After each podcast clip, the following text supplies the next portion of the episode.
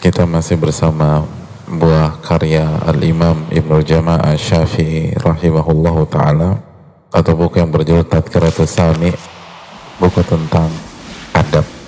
Adab yang dimaksud adalah adabul ilm bukan adab kepada tetangga adab kepada teman lalu adab menjenguk orang sakit bukan.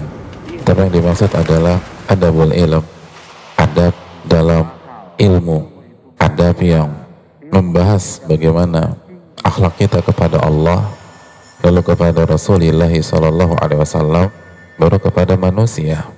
Bil adabi tafhamul ilma. Hanya dengan adab anda bisa mengerti hakikat dari ilmu